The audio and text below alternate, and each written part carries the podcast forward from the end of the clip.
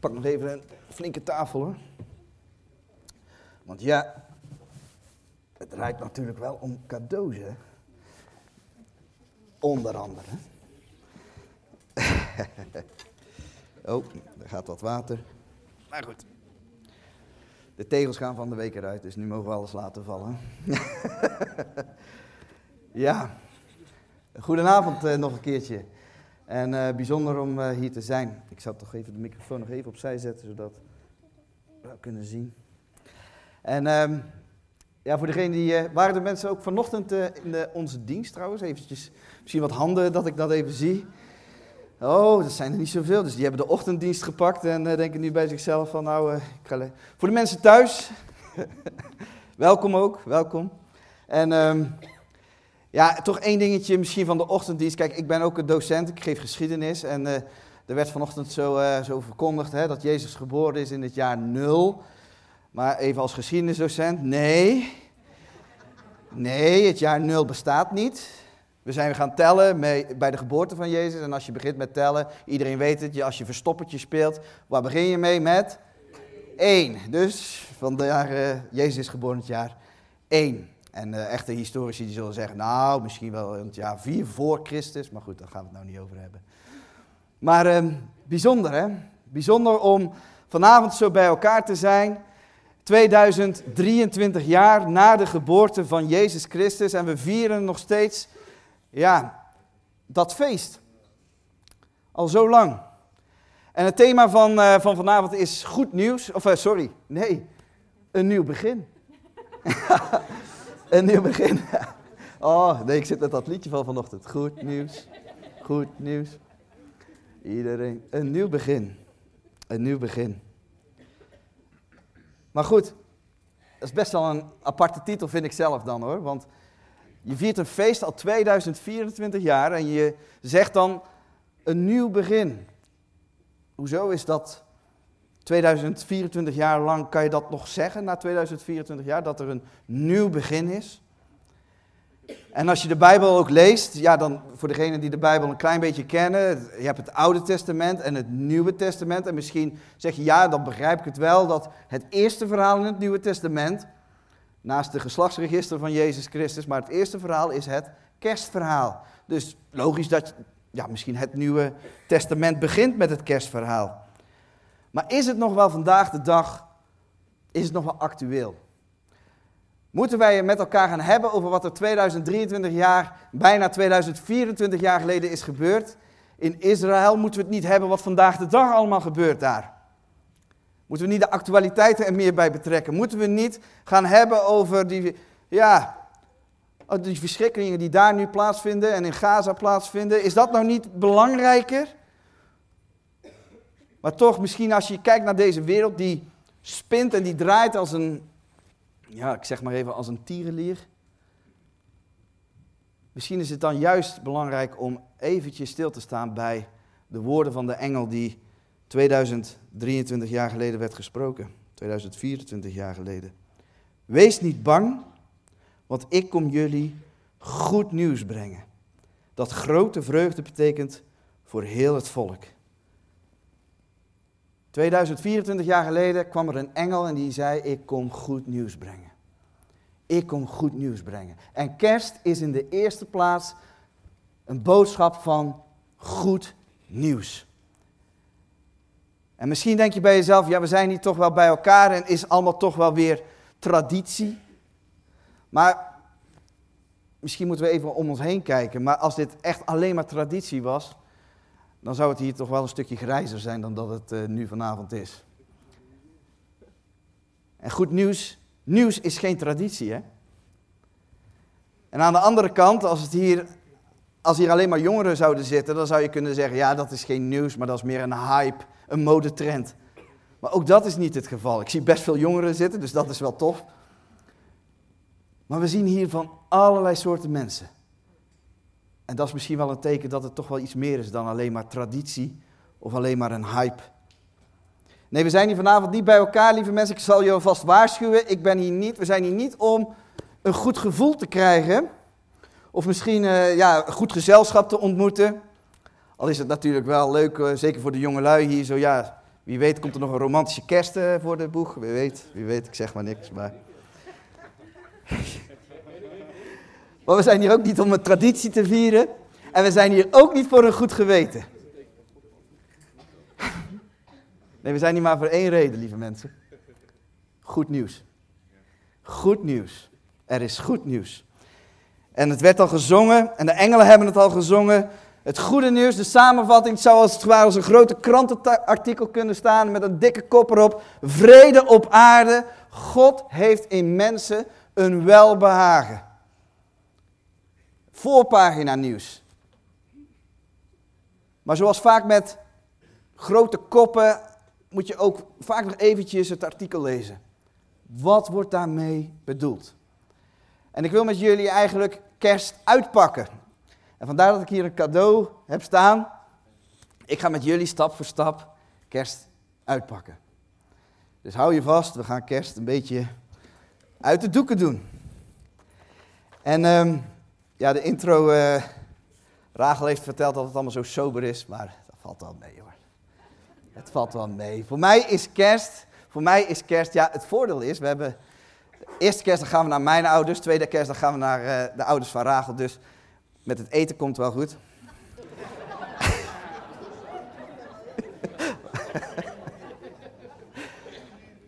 nee, kerst. Kerst wordt ook vaak gezien als een familiefeest. Of een feest waarin je bij elkaar komt met de mensen van wie je houdt. Een feest van geliefden. En dat is eigenlijk het grote cadeau wat ik hier eigenlijk wil neerzetten. Is eigenlijk het eerste stap waar ik altijd, ja, vanaf kind af aan moet ik daar altijd aan denken. Aan kerst is ja, bij elkaar zitten. Elkaar ontmoeten. En ja, daar hoort nou gewoon eenmaal ook eten bij. En ja, daar hoort nou ook gewoon eenmaal, je laat aan elkaar ook zien dat je om elkaar geeft. En dat doe je dan door middel van, nou bijvoorbeeld cadeautjes. Samen zijn, cadeautjes geven, gezellig maken, een lichtje aan, vuurtje aan. Kerst is dus een feest ook van samen zijn. En ja, ik heb wel eens een keer commentaar gegeven op de intratuin. Ik heb wel eens gezegd, ja, dat is meer een kermis dan een kerstmis daar. Maar we mogen ook gewoon wel feest vieren. Feest vieren. Het mag. Het mag.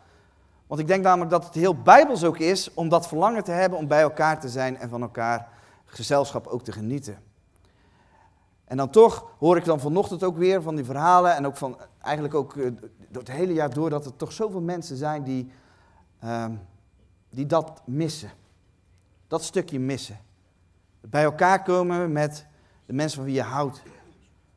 Een oma die haar kleinkinderen niet ziet. Een moeder die haar gezin moet missen omdat de kinderen bij haar ex-man zijn. Mensen die elkaar niet meer kunnen zien en mensen die elkaar niet meer kunnen spreken. Of ja, misschien dat je wel bij elkaar komt, maar dan wordt het zo'n neppe bedoeling, zo'n plastic laagje. Ja, even maar lief zijn, maar vooral niet te veel uh, diepe vragen stellen. Maar ook zelfs als je dat meemaakt met kerst en misschien heb je een groot gemis en heb je een eenzame kerst, je weet wel dat er toch altijd wel een bepaald verlangen is van ik zoek, ik zoek mensen om me heen, ik zoek gezelschap. Ik zoek een familie, ik zoek vrienden. En ik wil daarom met jullie ook even stilstaan wat de Bijbel daarin ook zegt. Want de Bijbel heeft vier evangeliën. En elk evangelie begint eigenlijk met een kerstverhaal. En misschien zou je dat misschien niet denken, nou ik ken er maar twee, Matthäus en Lucas. Maar ook het evangelie van Johannes begint met een bijzonder eigen, eigen manier van een kerstverhaal. Wat staat er namelijk in Johannes? staat het woord van God was God en is mens geworden en heeft in ons midden gewoond. Lieve mensen, dat is, in eerste plaats is dat kerst hè. Het woord van God is God en is mens geworden. Jezus Christus is het woord van God, is God en is mens geworden en heeft in ons midden gewoond. En we lezen dan verder, hij was het licht van de wereld. En ook daarom, weet je, steek maar kaarsjes aan. Gooi die kerstboom maar vol met lichtjes. Want wij vieren ook dat het licht van de wereld is gekomen. Jezus Christus. Maar dan staat er iets heel bijzonders. Maar de wereld heeft hem niet gekend. En de wereld heeft hem niet aangenomen. Het eerste kerstfeest was voor God eigenlijk al een afwijzing. We zagen dat ook in het filmpje dat Jezus Christus werd gekomen, kwam. Hij, God die zegt, ik, ik, ik word mens en als ik mens wil worden, dan moet ik ook in de eerste plaats moet ik volledig mens zijn. Dus hij groeide letterlijk ook in de buik van de moeder. Een echt mens begint bij de conceptie. En zo is dat ook bij God. God begon daar. En na negen maanden, Maria was hoogzwanger, kwam in Bethlehem en er was geen plaats. Er was afwijzing. En eigenlijk door de hele geschiedenis heen van Jezus Christus en heel zijn bediening zie je dat Jezus continu wordt afgewezen. Maar er zijn ook mensen die hem niet afwijzen. En dat lezen wij in het Johannes ook weer iets heel bijzonders. Maar alle die hem hebben aangenomen, hun gaf God het recht kinderen van God te worden. Hun die in zijn naam geloven. Lieve mensen, het kerstfeest is in de eerste plaats een grote uitnodiging van God. En die uitnodiging is Jezus Christus zelf, die naar de aarde is gekomen. Waarin God eigenlijk zegt, neem jij mijn uitnodiging aan en kom je dan bij mij aan tafel. Niet zomaar als gast, maar als mijn kind. Dat is de eerste belofte, dat is het eerste goede nieuws waar ik even bij stil wil staan. Is dat kerstfeest een uitnodiging is van God. Naar jou persoonlijk, naar jou toe. En er staat dus als je het aangenomen hebt, hun die in zijn naam geloven. Kijk, je kan een uitnodiging krijgen van, hey, kom jij bij mij aan tafel? Ik kan zeggen, ja, ik neem hem aan, maar doe je er ook wat mee? Geloof je het ook? Geloof je het ook dat God jou van harte uitnodigt aan zijn tafel? Aan zijn tafel. Dus dat is goed nieuws, lieve mensen. En dan gaan we naar het volgende stukje. En we gaan steeds een laagje verder. Dus het is een. Hè. Het volgende cadeautje. We gaan een stapje verder. Het goede nieuws is in eerste plaats natuurlijk dat God ons uitnodigt. Niet zomaar als gasten, als zijn kinderen. Maar als ik bij kerst ook nadenk, is niet alleen maar familie, is niet alleen bij elkaar zijn, is niet alleen maar gezelschap. Maar misschien ken je dat gevoel ook wel, want dan kom je bij elkaar en dan sta je toch altijd wel even stil bij ja, wat er allemaal misgaat in de wereld. En kerst staat ook altijd symbool, vind ik zelf, van allerlei kerstacties. Ik weet niet of het nog vandaag de dag gebeurt. 3FM, het glazen huis, is dat nog steeds? Of is dat concert nu eindelijk toch wel eens een keer even stek? Oh, nog steeds. ja, het is al zo lang ik leef.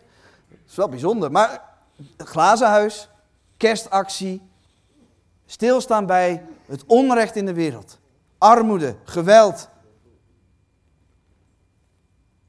En wij staan als kerst heeft ook altijd in de jaren tachtig had je Live Aid en dan kwamen al die artiesten bij elkaar en dan gingen ze zingen, liedjes zingen en geld verzamelen om de honger uit Afrika uh, te verdrijven. En nu, 30 jaar later, is het nog steeds honger in Afrika. In Eritrea, in Sudan. En kerst is dus ook stilstaan bij armoede, bij geweld en bij onrecht. En misschien denk je dan bij jezelf, ja waar is hier dan het goede nieuws? Waar is hier het goede nieuws te vinden? En zoals ik al zei, Jezus had al afwijzing meegemaakt. Maar Jezus had niet alleen afwijzing meegemaakt, hij werd geboren letterlijk in armoede. Hij werd gelegd in een kribbe, in stro, bij de dieren. Dus hij heeft armoede meegemaakt. En als wij verder lezen in het kerstverhaal, moest Jezus Christus vluchten met zijn vader en moeder.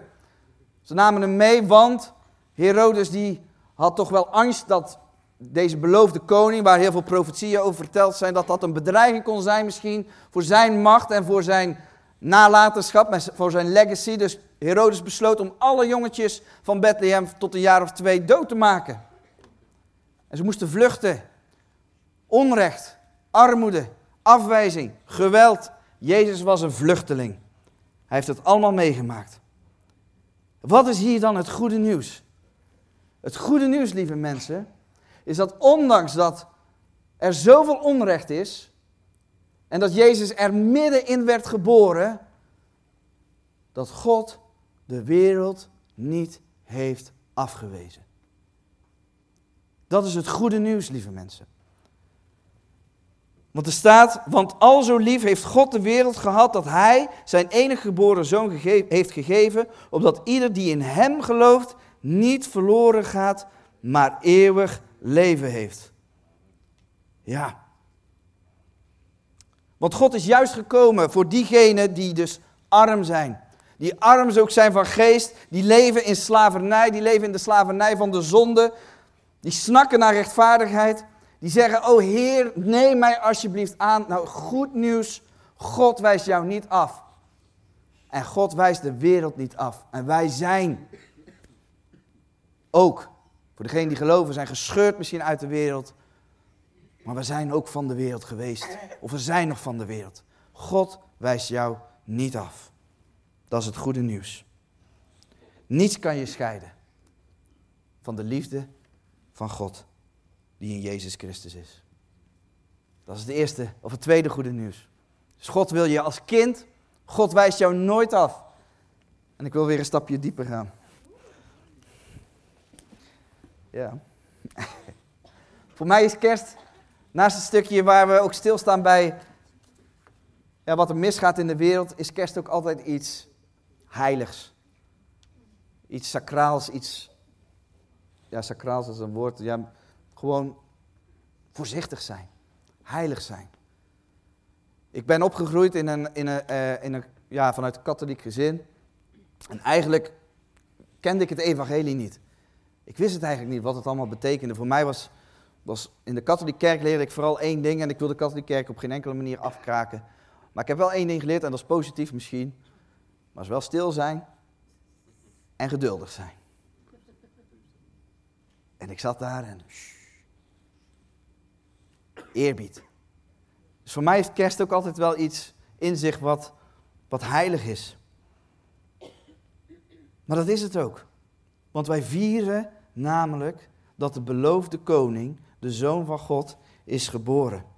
En ik wil je daarom ook wijzen op deze twee schilderijen, want normaal staan wij daar bij kerst niet zo bij stil.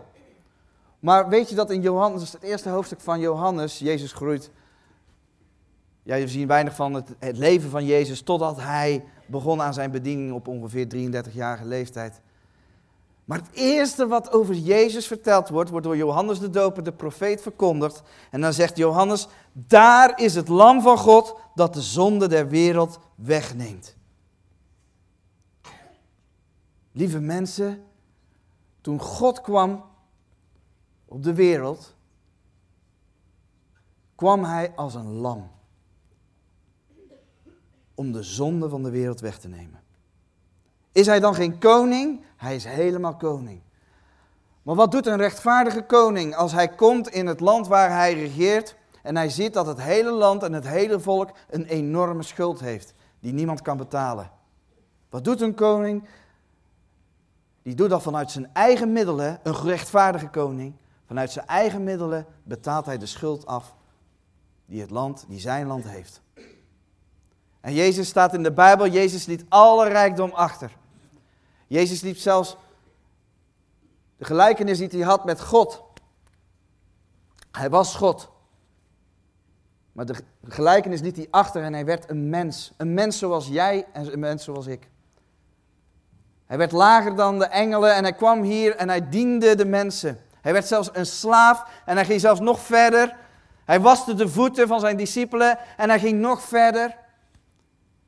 Hij hing zelfs aan het kruis. Voor jou, voor mij, voor iedereen. Want Jezus zou de koning van de wereld worden. Maar de wereld had een enorme schuld. En Jezus betaalde de schuld dubbel en dwars. Met zijn eigen leven. En omdat hij God zelf is, de zoon van God, was zijn offer genoeg om alles weg te nemen. Alle schuld Alles wat tussen ons en God instaat, was opgeruimd. En het tweede dus wat Jezus deed, was niet alleen maar de schuld afbetalen die wij hebben.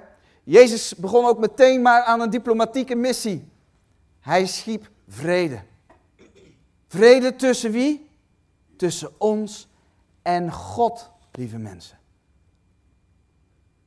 Daarom werd er gezongen door de engelen vrede op aarde. In de eerste plaats, lieve mensen, omdat het vrede is dankzij Jezus. God heeft geen aanklacht meer tegen ons. En wij hebben ook niets meer wat wij kunnen brengen naar God toe. Waar we kunnen zeggen van Heer, nu kunnen wij toch wel bij u komen. Ik heb toch goed mijn best gedaan. Ik heb toch goed geleefd. Nee hoor, alleen maar door het offer van Jezus Christus, door het lam. Hebben wij vrede met God en mogen wij dus vrij naar God toe gaan. Mogen we de uitnodiging die we al bij het eerste cadeau zagen, mogen we aannemen. Mogen we ook zeker weten dat God ons nooit afwijst, want Jezus heeft ons nooit afgewezen. Jezus heeft alles betaald. En zo mogen we ook een stap verder gaan en weten dat het goed is tussen mij en God. Als je het offer accepteert. Als je zegt ik wil het niet, ik wil het zelf betalen, dan is dat jouw eigen keuze geweest. Maar niet alleen maar is Jezus dus het lam. Ik wil dus ook wijzen dus naar het andere beeld wat Jezus is. Is ook het leeuw. De leeuw, sorry. Want er staat in Isaiah 9. Een kind is ons geboren, een zoon is ons gegeven en de heerschappij rust op zijn schouders.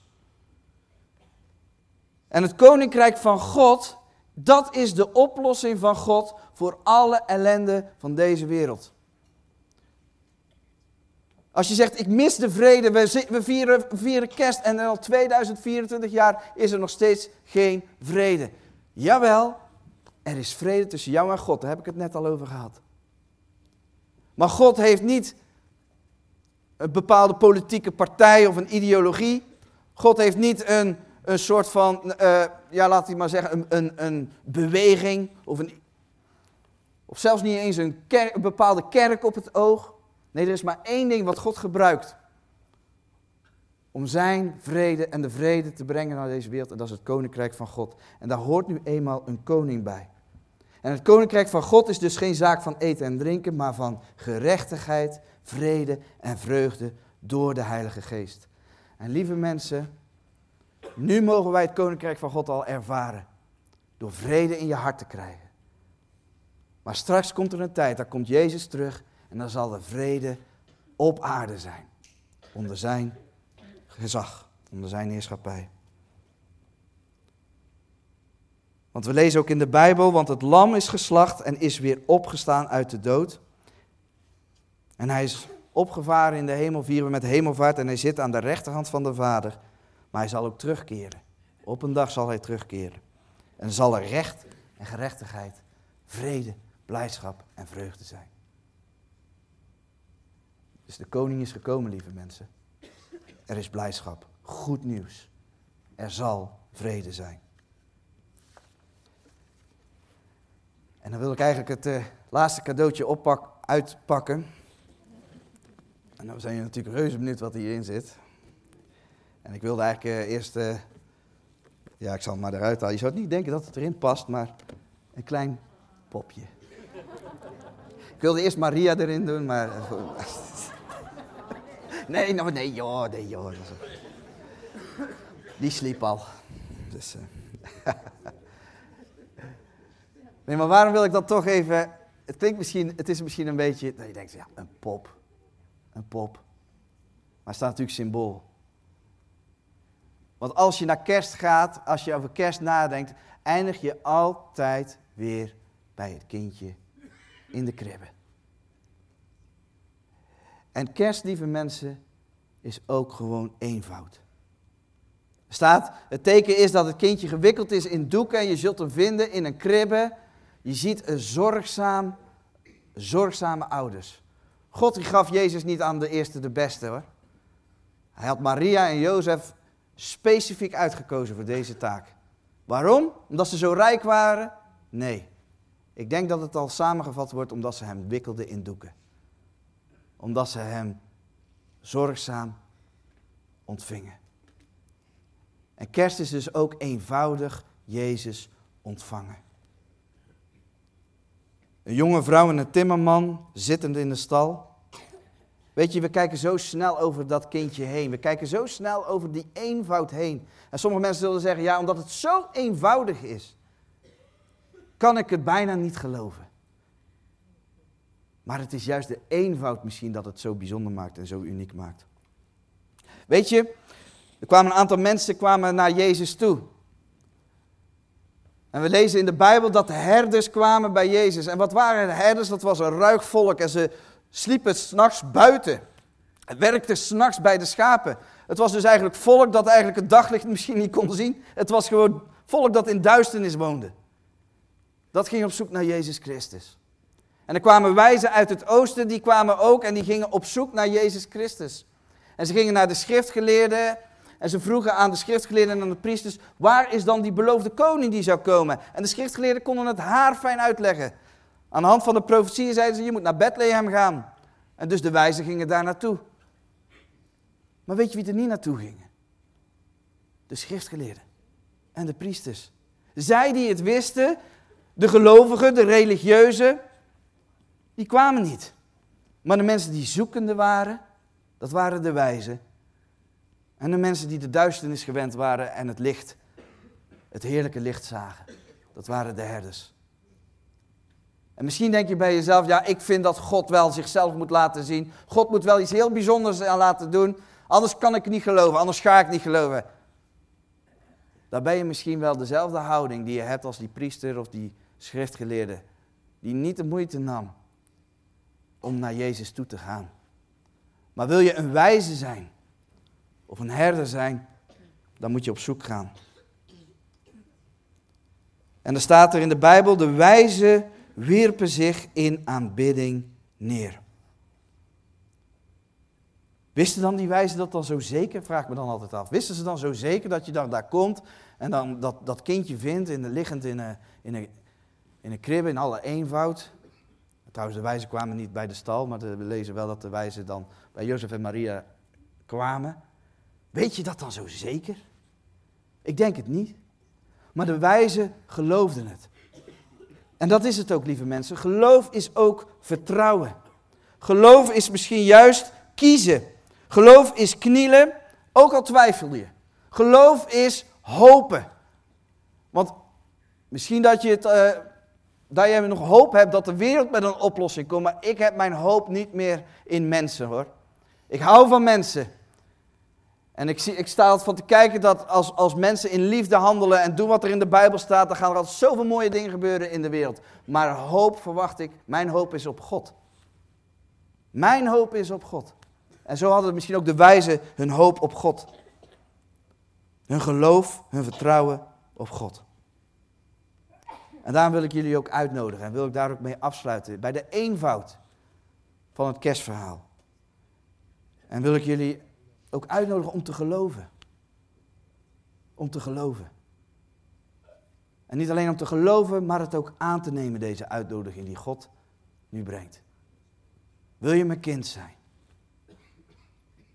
Wil je vrede en gerechtigheid? Wil je dat alle schuld vergeven is en wil je dat mijn liefdevolle heerschappij ook bij jou komt? En geloof je dat? Dus daarom wil ik jullie uitnodigen. Niet om te gaan knielen, niet om te gaan uh, je hand op te steken. Dat vind ik misschien, vind soms misschien een beetje spannend. Maar ik wil wel met jullie bidden. En als jullie zeggen, ik geloof dit, wil je dan mij nabidden? En misschien is dit de eerste keer voor, je, voor jouzelf dat je zegt van, ik heb nog nooit uitgesproken dat ik geloof. Laat dit dan de eerste keer zijn. Laat dit dan een nieuw begin zijn. Want dan heb je het goede nieuws begrepen. En laat dit dan de eerste dag van je leven zijn waarop je Jezus aanneemt. Waarop je Gods uitnodiging aanneemt. Dus laten we met elkaar bidden. En ieder die gelooft, bid dan met mij mee. Vader in de hemel. Dank u voor uw Zoon Jezus Christus. Ik geloof dat Jezus gekomen is naar de aarde. Ik geloof dat Jezus de beloofde koning is. Ik geloof dat Jezus voor mijn zonde is gestorven.